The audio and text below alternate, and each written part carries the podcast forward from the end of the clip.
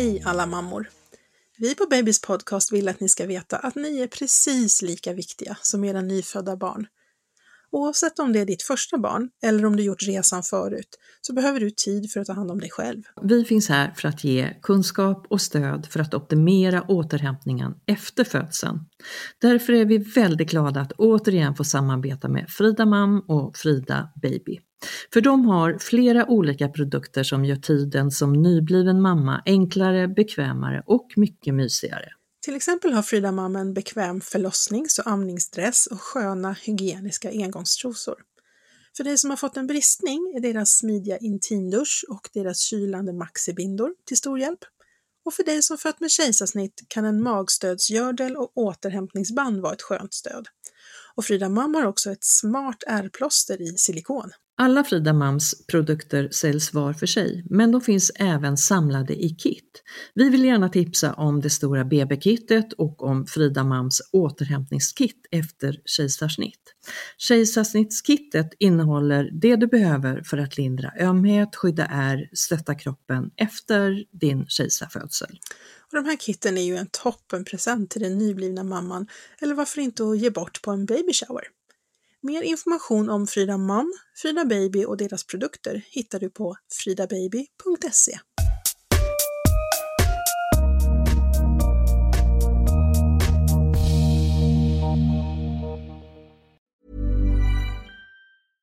Hepatos är den vanligaste sjukdomen under graviditet och cirka en på hundra drabbas. Hepatos beror på att levern påverkas under graviditeten. Men vad är då hepatos? Jo, i levern bildas det galla och gallan kommer sedan ner i tunntarmen och hjälper till att smälta maten. När du är gravid tar det längre tid för gallan att komma ner till tunntarmen. Då kan det bli mycket eller för mycket galla kvar i levern. Det blir då även för mycket gallsyror kvar i blodet, vilket kan orsaka, eller oftast orsakar, klåda. Barnet kan bli påverkat om du har för mycket gallsyra i blodet och det finns en ökad risk för att barnet föds för tidigt. Och i värsta fall kan barnet också drabbas av syrebrist. Rebecka, Mm. hepatos ska Ja. vi prata om idag. Ja, det är faktiskt på önskemål från en av våra lyssnare. Vi fick ett meddelande på Instagram. Snälla kan ni inte göra någonting om hepatos? Och det är klart att vi ska. Det är ju en väldigt spännande diagnos, även om den är rätt sällsynt. Ja men rätt sällsynt, men, men vanligare än vad jag trodde ändå faktiskt. Och du, du är ju eh, gynekolog och förlossningsläkare, jag är barnmorska, Karina här. Och eh, Eh, det vi vill det är ju just att förmedla fakta och kunskap ut till er som, som önskar bli gravida, som är gravida och till nyblivna föräldrar. Och det här ämnet har vi ju inte berört så eh, vi går väl till botten med det Rebecka. Definitivt.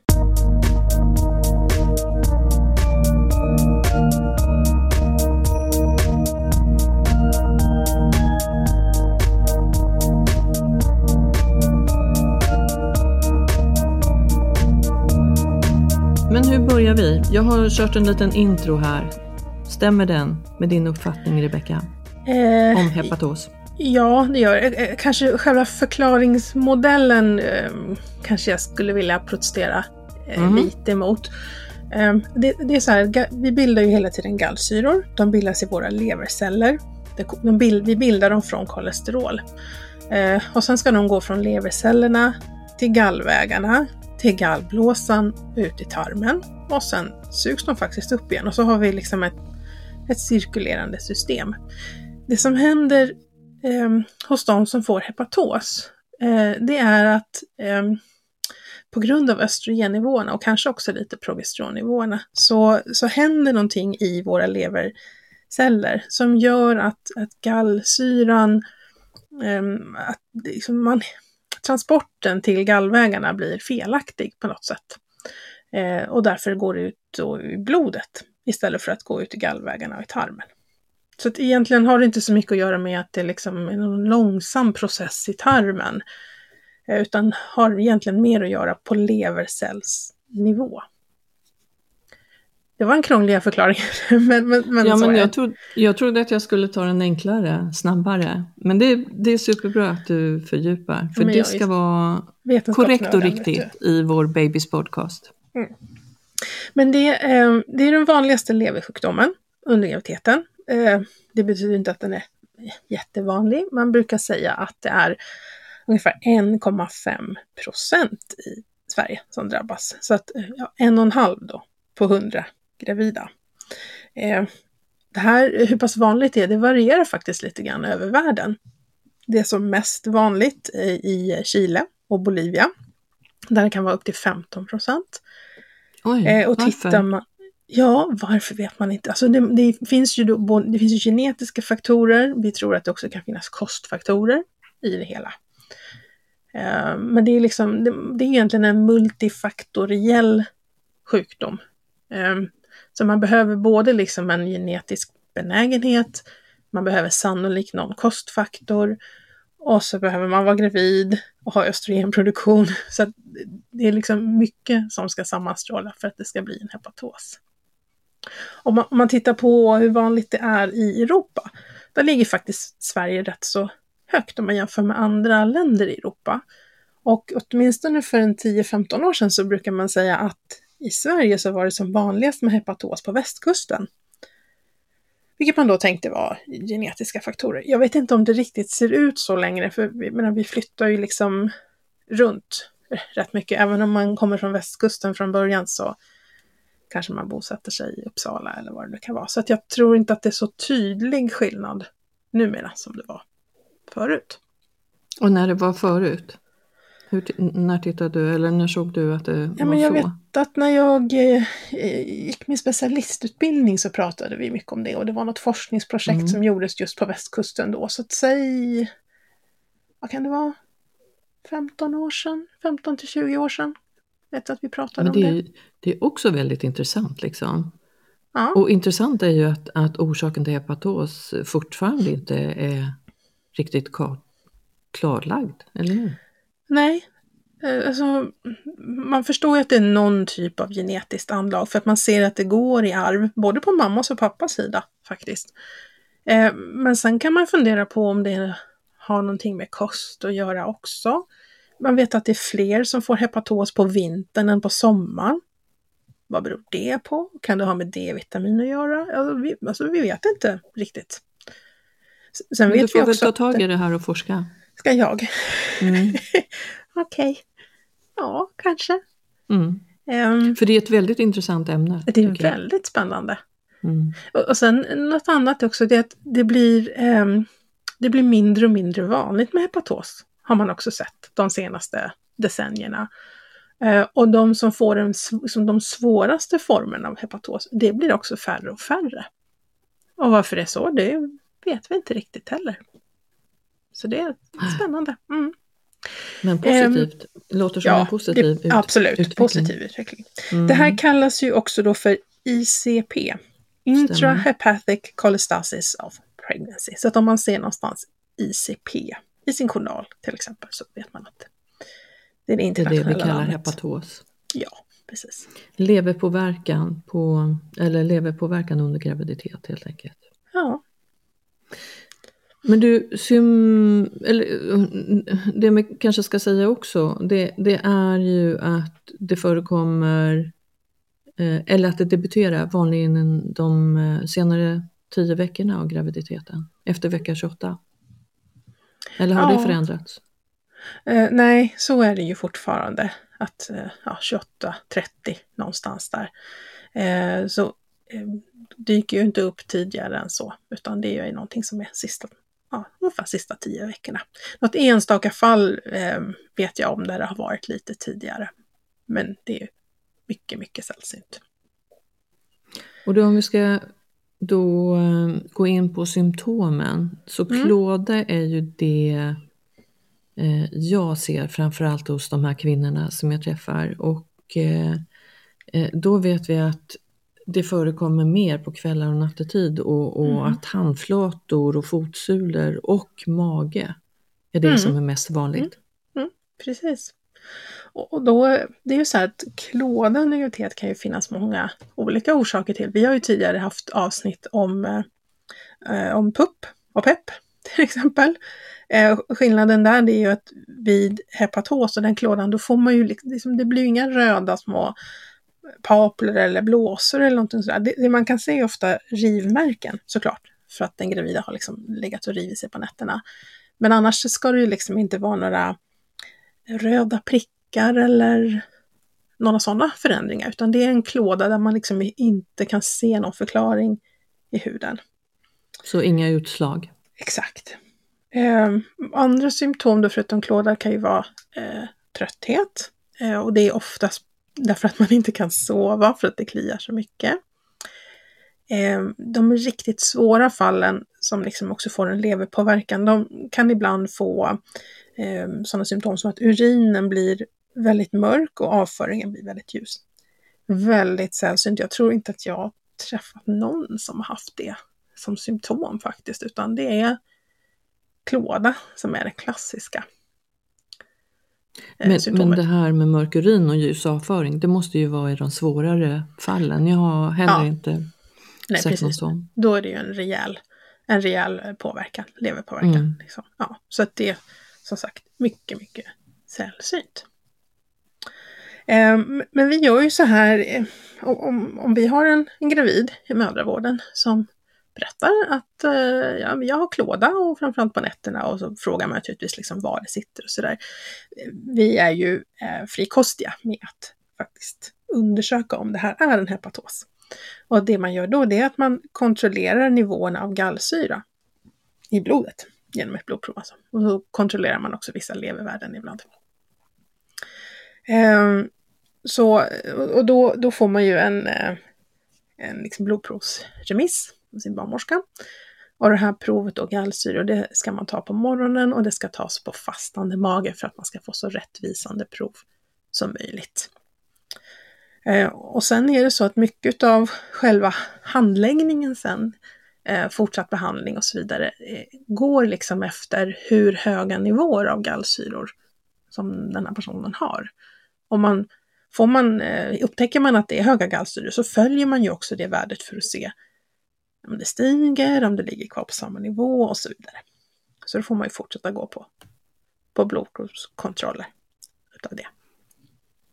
Men du, om jag backar så, uh, till det här med symptom så har vi ibland att uh, kvinnor med hepatos drabbas av tidigare, alltså prematura sammandragningar. Mm. Och vad är då kopplingen till hepatos? Är det en reaktion av att kroppen vill göra sig av med alltså graviditeten för att hela, friska kvinnan? Alltså, det är ju väldigt tilltalande att tänka att det är så. Det vet vi väl inte till 100 procent och det är kanske är lite svårt att studera också exakt varför det blir sammandragningar. Men, men på något sätt kan man ju tänka att det här är liksom kroppen klok och eh, förstår att om, om jag inte är gravid längre så kommer det här att försvinna. Då kommer jag bli frisk. Ja, då kommer jag bli, för, för då, så är det ju, att, att när barnet är fött och hormonnivåerna sjunker ner till normalvärde igen, så försvinner ju den här påverkan på levern också. Det är samma som ehm. vid preeklampsi kan man väl säga. Ja, som oftast ja. så är ju besvären över i och med att barnet är fött. Mm. Precis. En klok reaktion av, av kroppen. Liksom. Ja, ibland så fattar den. Men det är klart att mm. det kan ju bli ett problem om det är väldigt eh, tidigt. Alltså vi vill ju inte gärna att barn ska födas i vecka 28 eller 30 eller 32 och så vidare om vi kan undvika det. Ehm, även om kroppen tycker att det vore en toppen idé att om barnet föddes så att jag blir av med min hepatos. Men vi har ju eh, som alltid när det gäller graviditet så har vi ju faktiskt två individer som vi ska eh, både vårda och eh, ta hand om och vara rädda om och hålla koll på. Det är ju den gravida och fostret. Och ibland så eh, har inte foster och den gravida riktigt samma inställning och intressen av hur graviditeten ska fortlöpa och när, när det ska födas. Nej, men jag tänker mer att, att kroppen är ju sund där. mm, Sen så förstår den ju inte kanske hela tiden helheten. Nej. Men det gör ju vi desto mer. Så att eh, dels så eh, ser vi till att behandla då mamma med hepatos och dessutom så kan vi ju stoppa de här tidiga sammandragningarna så att barnet mår bra i magen så länge som möjligt och Mm. behålls där. Ja. Så att eh, här har vi ju flera olika behandlingsmetoder såklart. Ja, precis. Men du, någon annan behandling då? Mm. Behandlingen är ju lite beroende av eh, hur höga gallsyrenivåer eh, som den gravida har. Och, och det, är också, eh, det är också nivåerna som bestämmer om det är så att man fortsätter att gå på sin vanliga barnmorskemottagning eller om man faktiskt ska följas på specialmödravården. Så har man en, en lindrig form av hepatos med inte så höga gallsyror, då går man oftast på sin barnmorskemottagning och har kontakt med läkaren där. Eh, man brukar få recept på läkemedel för att lindra klådan. Eh, och det är alltså antihistaminer som Lergigan eller Tavigyl. Eh, eller eh, ja, återfuktande hudkrämer, kylbalsam och så vidare. Som är liksom ren symptomlindring egentligen.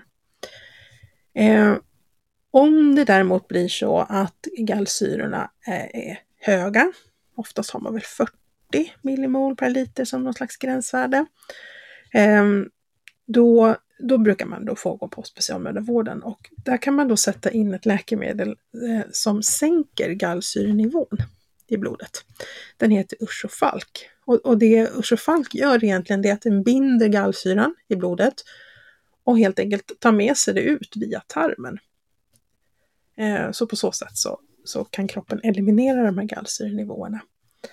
Eh, och när man sätter in Ursofalk så, så får man räkna med att det tar säkert en vecka innan klådan försvinner.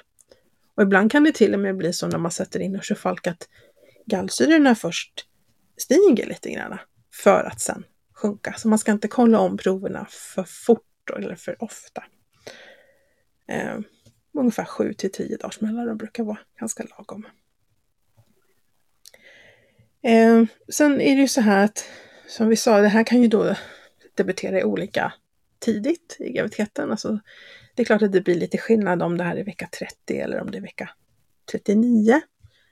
Eh, om det är som så att, eh, att det är väldigt tidigt, då, eh, då får man ju fortsätta att behandla med Ursofalk och man får fortsätta gå på sina kontroller och ta sina blodprov och så vidare. Eh, och när man väl kommer till vecka 37 så, så får man liksom ja, väga fördelar och nackdelar med med att antingen fortsätta graviditeten och behandla eller att sätta igång födseln. Um, om det är så att det här debuterar i vecka 39-40, ja, då kanske man kan sätta igång istället för att sätta in Ursofalk. Det beror ju också lite grann på hur mogen livmodertappen är, om den här gravida har fått barn tidigare eller inte. Så att det blir ju, det blir ju liksom en individuell bedömning för var, från varje fall till varje fall.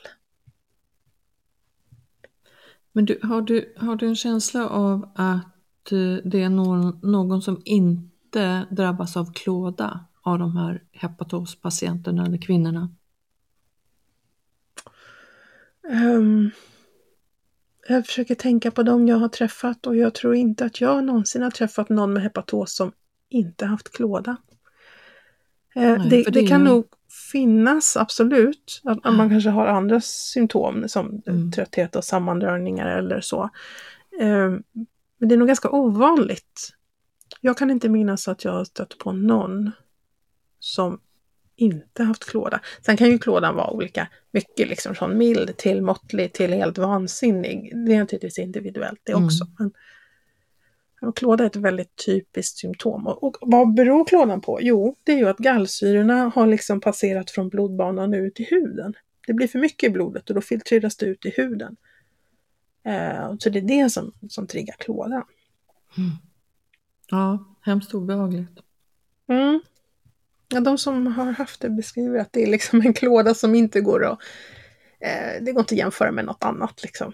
Nej, och svårt att stilla den också. Ja, Liksom. Även ja, om man får eh, mjukgörande och kylbalsam och, och allt vad det är, eh, antihistaminer, så kan det fortfarande vara ett, eh, ett problem för många. Mm. Mm. Absolut.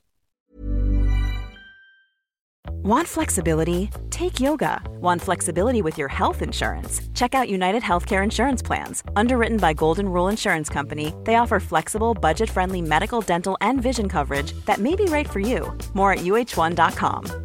Hey, I'm Ryan Reynolds. Recently, I asked Mint Mobile's legal team if big wireless companies are allowed to raise prices due to inflation. They said yes. And then when I asked if raising prices technically violates those onerous two year contracts, they said, What the f are you talking about, you insane Hollywood ass?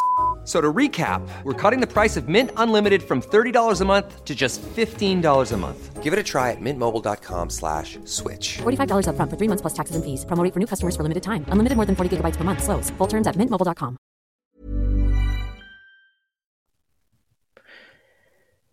Um, det är så här att, som vi sa förut, att så, så väl, alltså så fort barnet är fött så kommer det här normaliseras och så försvinner ju klådan väldigt, väldigt snabbt. Så att man kan ju sätta ut alla mediciner eh, i stort sett i samband med födseln. Eh, det som är viktigt är ju att, att man inte bara släpper eh, det hela där, utan att man också kollar upp eh, 6-8 veckor efter födseln, att man tar leverprover på den som har varit gravid för att se att, att levern har återhämtat sig. Eh, det, finns, eh, det finns några studier som Eh, Eh, det är svenska studier, de kanske har en 5-10 år på nacken. Ehm, Där man faktiskt gjorde en uppföljningsstudie och tittade på de som hade fått hepatos under graviditeten för att se hur det gick för dem senare i livet, om de hade en ökad risk för att eh, drabbas av någonting senare. Och då, då kunde man se att det fanns en ökad risk att få inflammatorisk tarmsjukdom. Psoriasis fanns det också en koppling till.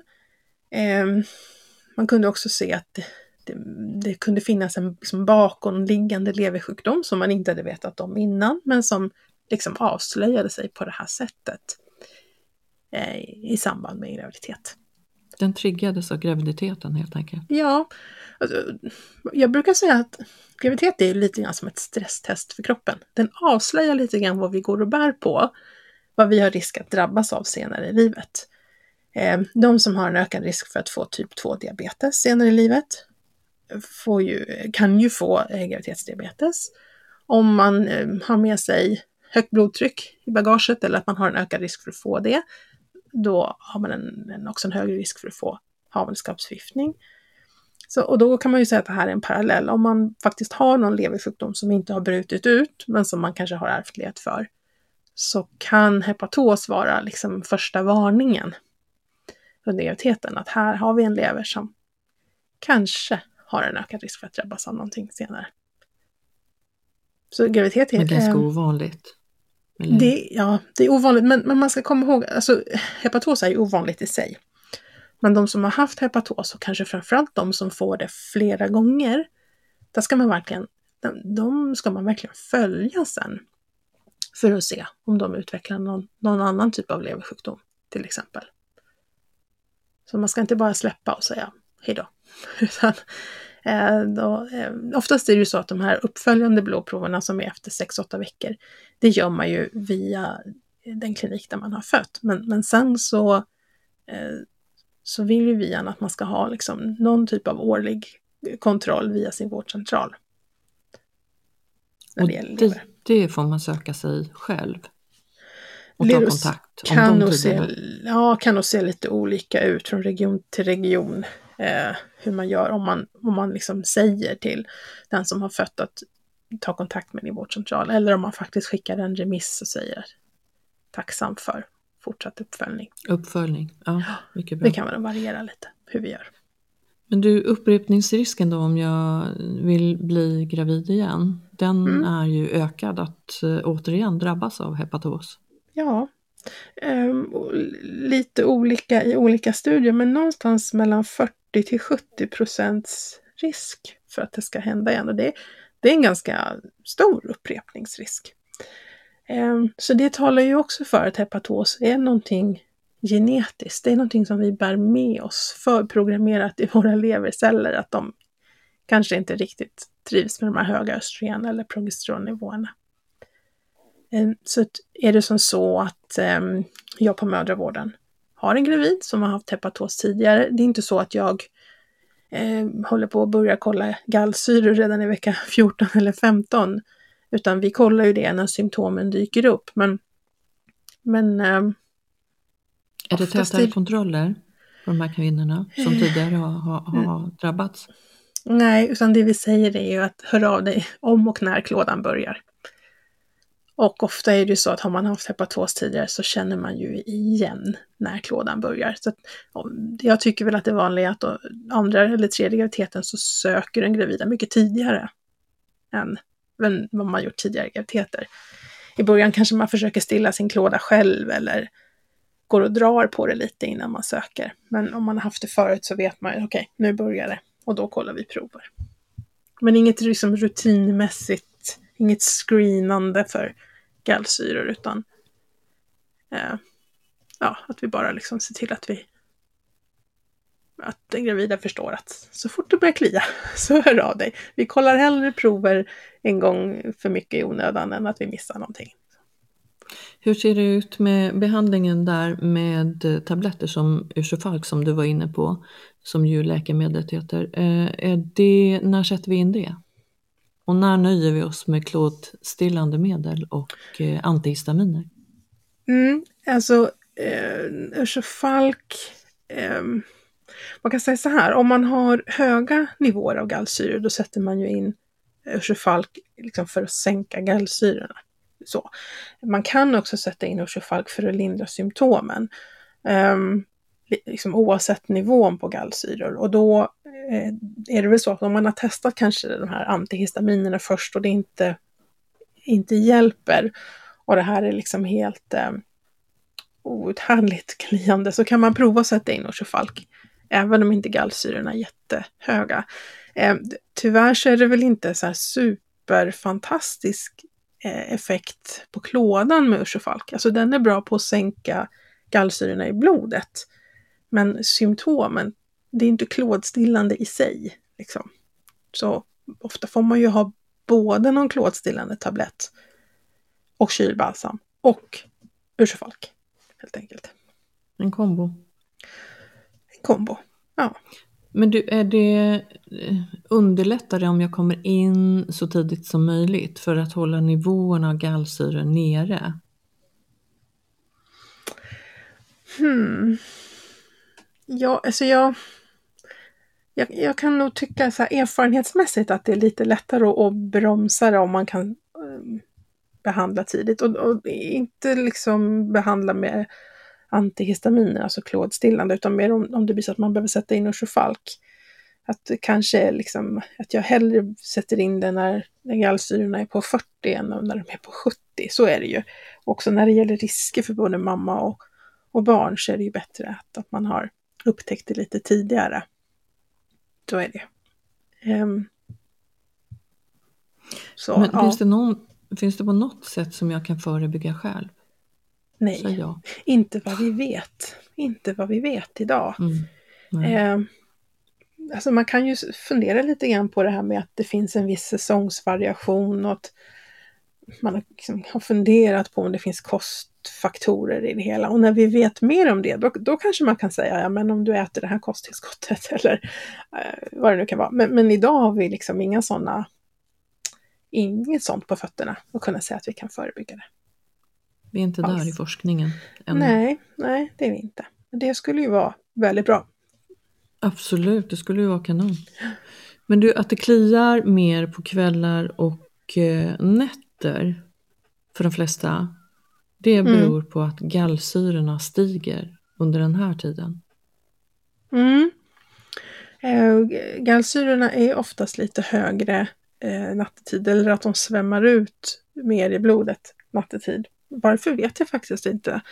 Eh, men det är väl kanske också därför vi eh, kollar det på morgonen på fastande mage. Det är så att när vi äter någonting, då kan vi ju använda gallsyrorna eh, för att binda fett i maten då liksom. på något sätt binda upp gallsyrorna på det sättet. Men på natten är vi ju också fastande om vi inte går upp och käkar kanelbullar klockan två på nätterna som jag gjorde när jag var gravid. Eh, men de flesta är ju liksom på fastande mage under natten. Möjligen så bidrar ju det till att gallsyrorna faktiskt då är högre också. Eh, mm. Sen är det också det här med klåda handlar ju till viss del också om eh, alltså uppmärksamhet. Är man upptagen på dagen med att göra någonting så tappar man ju också lite fokus på klådan och man måste koncentrera sig på någonting annat.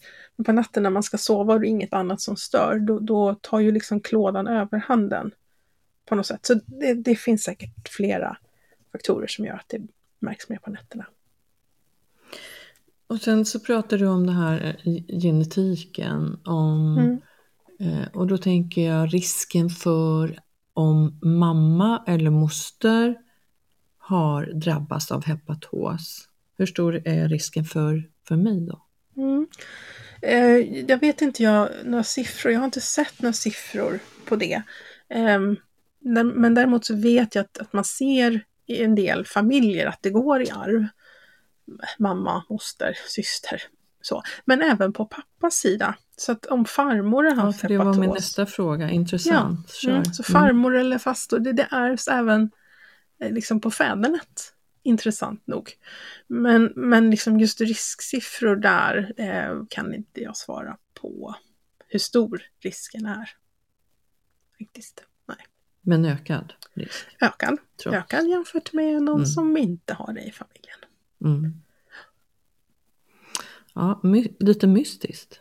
Ja, men det är lite mystiskt. Man kan undra varför det inte forskas mer på mm. det egentligen. Mm. mm. Vet du någon som håller på att forska på det just nu? Eh, någonstans i världen? Just nu vågar jag inte svara på, men jag vet att det i Sverige äh, har gjorts jättemycket forskning. Eh, och liksom både små och stora studier och projekt och så vidare.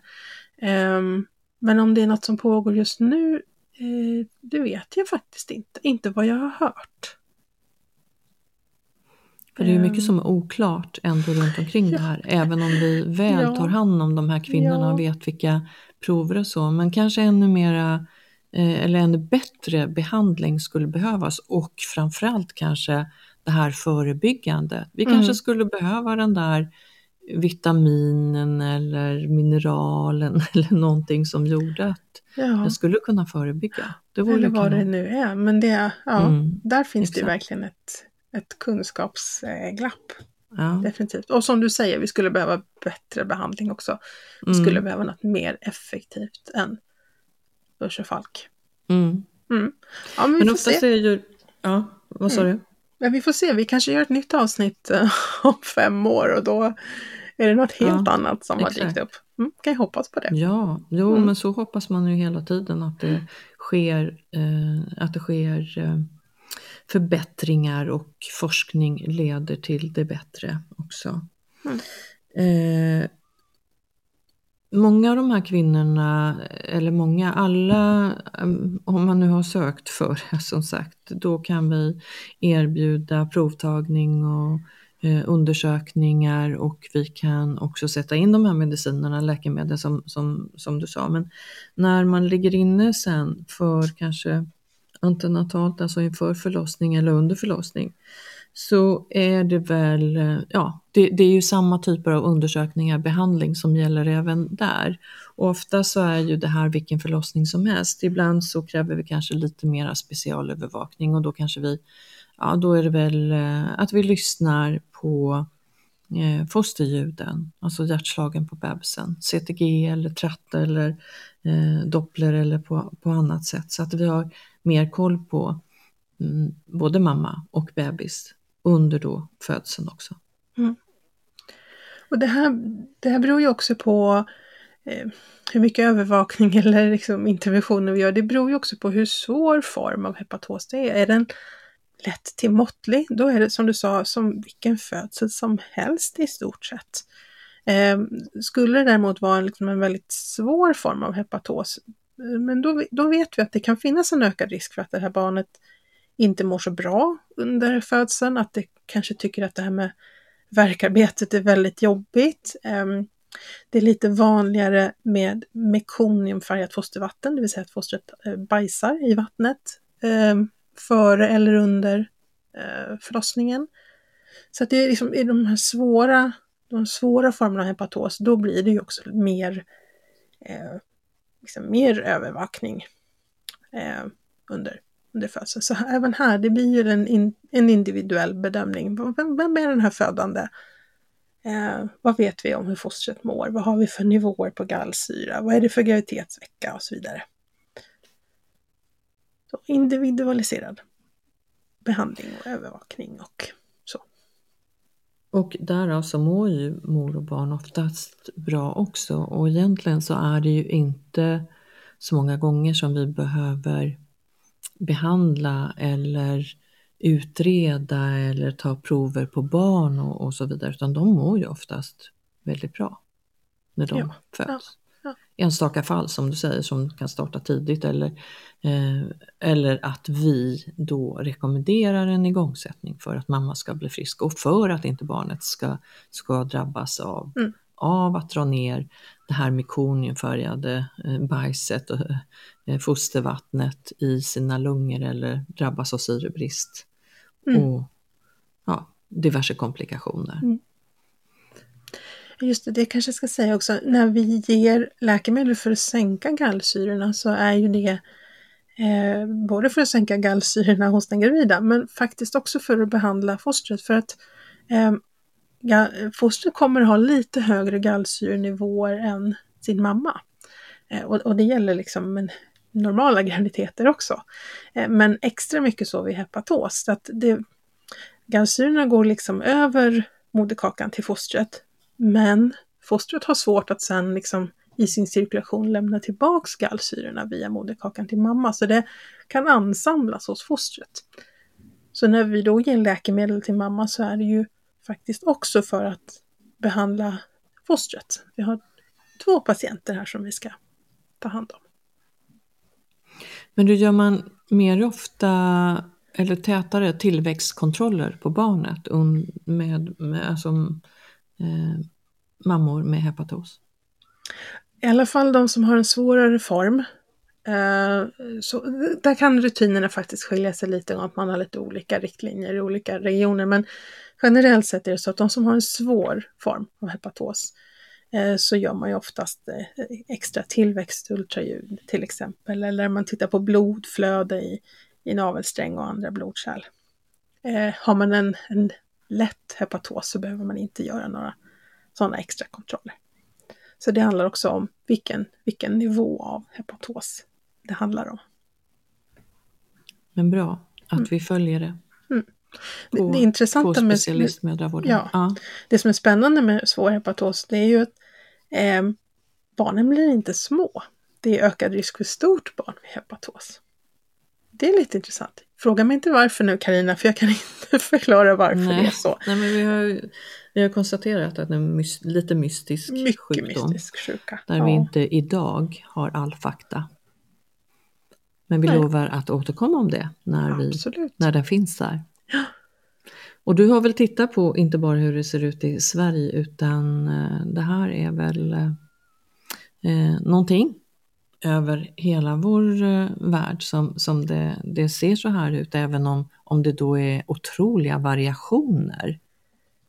Visste Ja. inte jag faktiskt. Mm. Nej, men det är väldigt stor skillnad från, från världsdel till världsdel faktiskt. Ja, och Ja. från, om man får tro dig, från västkusten till östkusten i Sverige Ja, också. Det har i alla fall varit så. Jag vågar inte säga så. om det är så Ja, idag. Men vi det får var återkomma så om för... det också. Om, om det är någon som vet om det har förändrats. Ja, spännande hur som helst. Mm. Rebecka, vi är snart tillbaks. Mm, mm. Men någon Vi är ny? inte bara mammor. Nej. Precis. Jag höll på att säga, vi är tillbaka med någon ny mystisk sjukdom, men vi kanske ska Ja, ta men- något omystiskt nästa gång, Carina. Ja, vi kan ta en omystisk. Ja. Som barnmorska och som gynekolog, förlossningsläkare så är vi snart tillbaks. Och vi uppskattar jättemycket att du lyssnar till oss och våra många gånger faktaspäckade avsnitt eh, i en eh, bred och härlig mix med eh, förlossningsstories. Fortsätt att göra det. Eh, och ni får eh, jättegärna följa oss på Instagram, samma namn, ett Babys podcast. Vi hörs snart igen Rebecka. Det gör vi absolut. Och till er där ute, ha det gott, puss och kram från oss, hörs snart.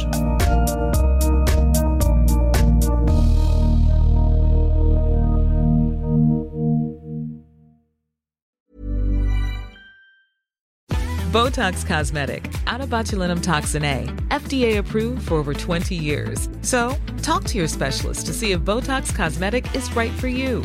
For full prescribing information, including boxed warning, visit BotoxCosmetic.com or call 877-351-0300. Remember to ask for Botox Cosmetic by name. To see for yourself and learn more, visit BotoxCosmetic.com. That's BotoxCosmetic.com.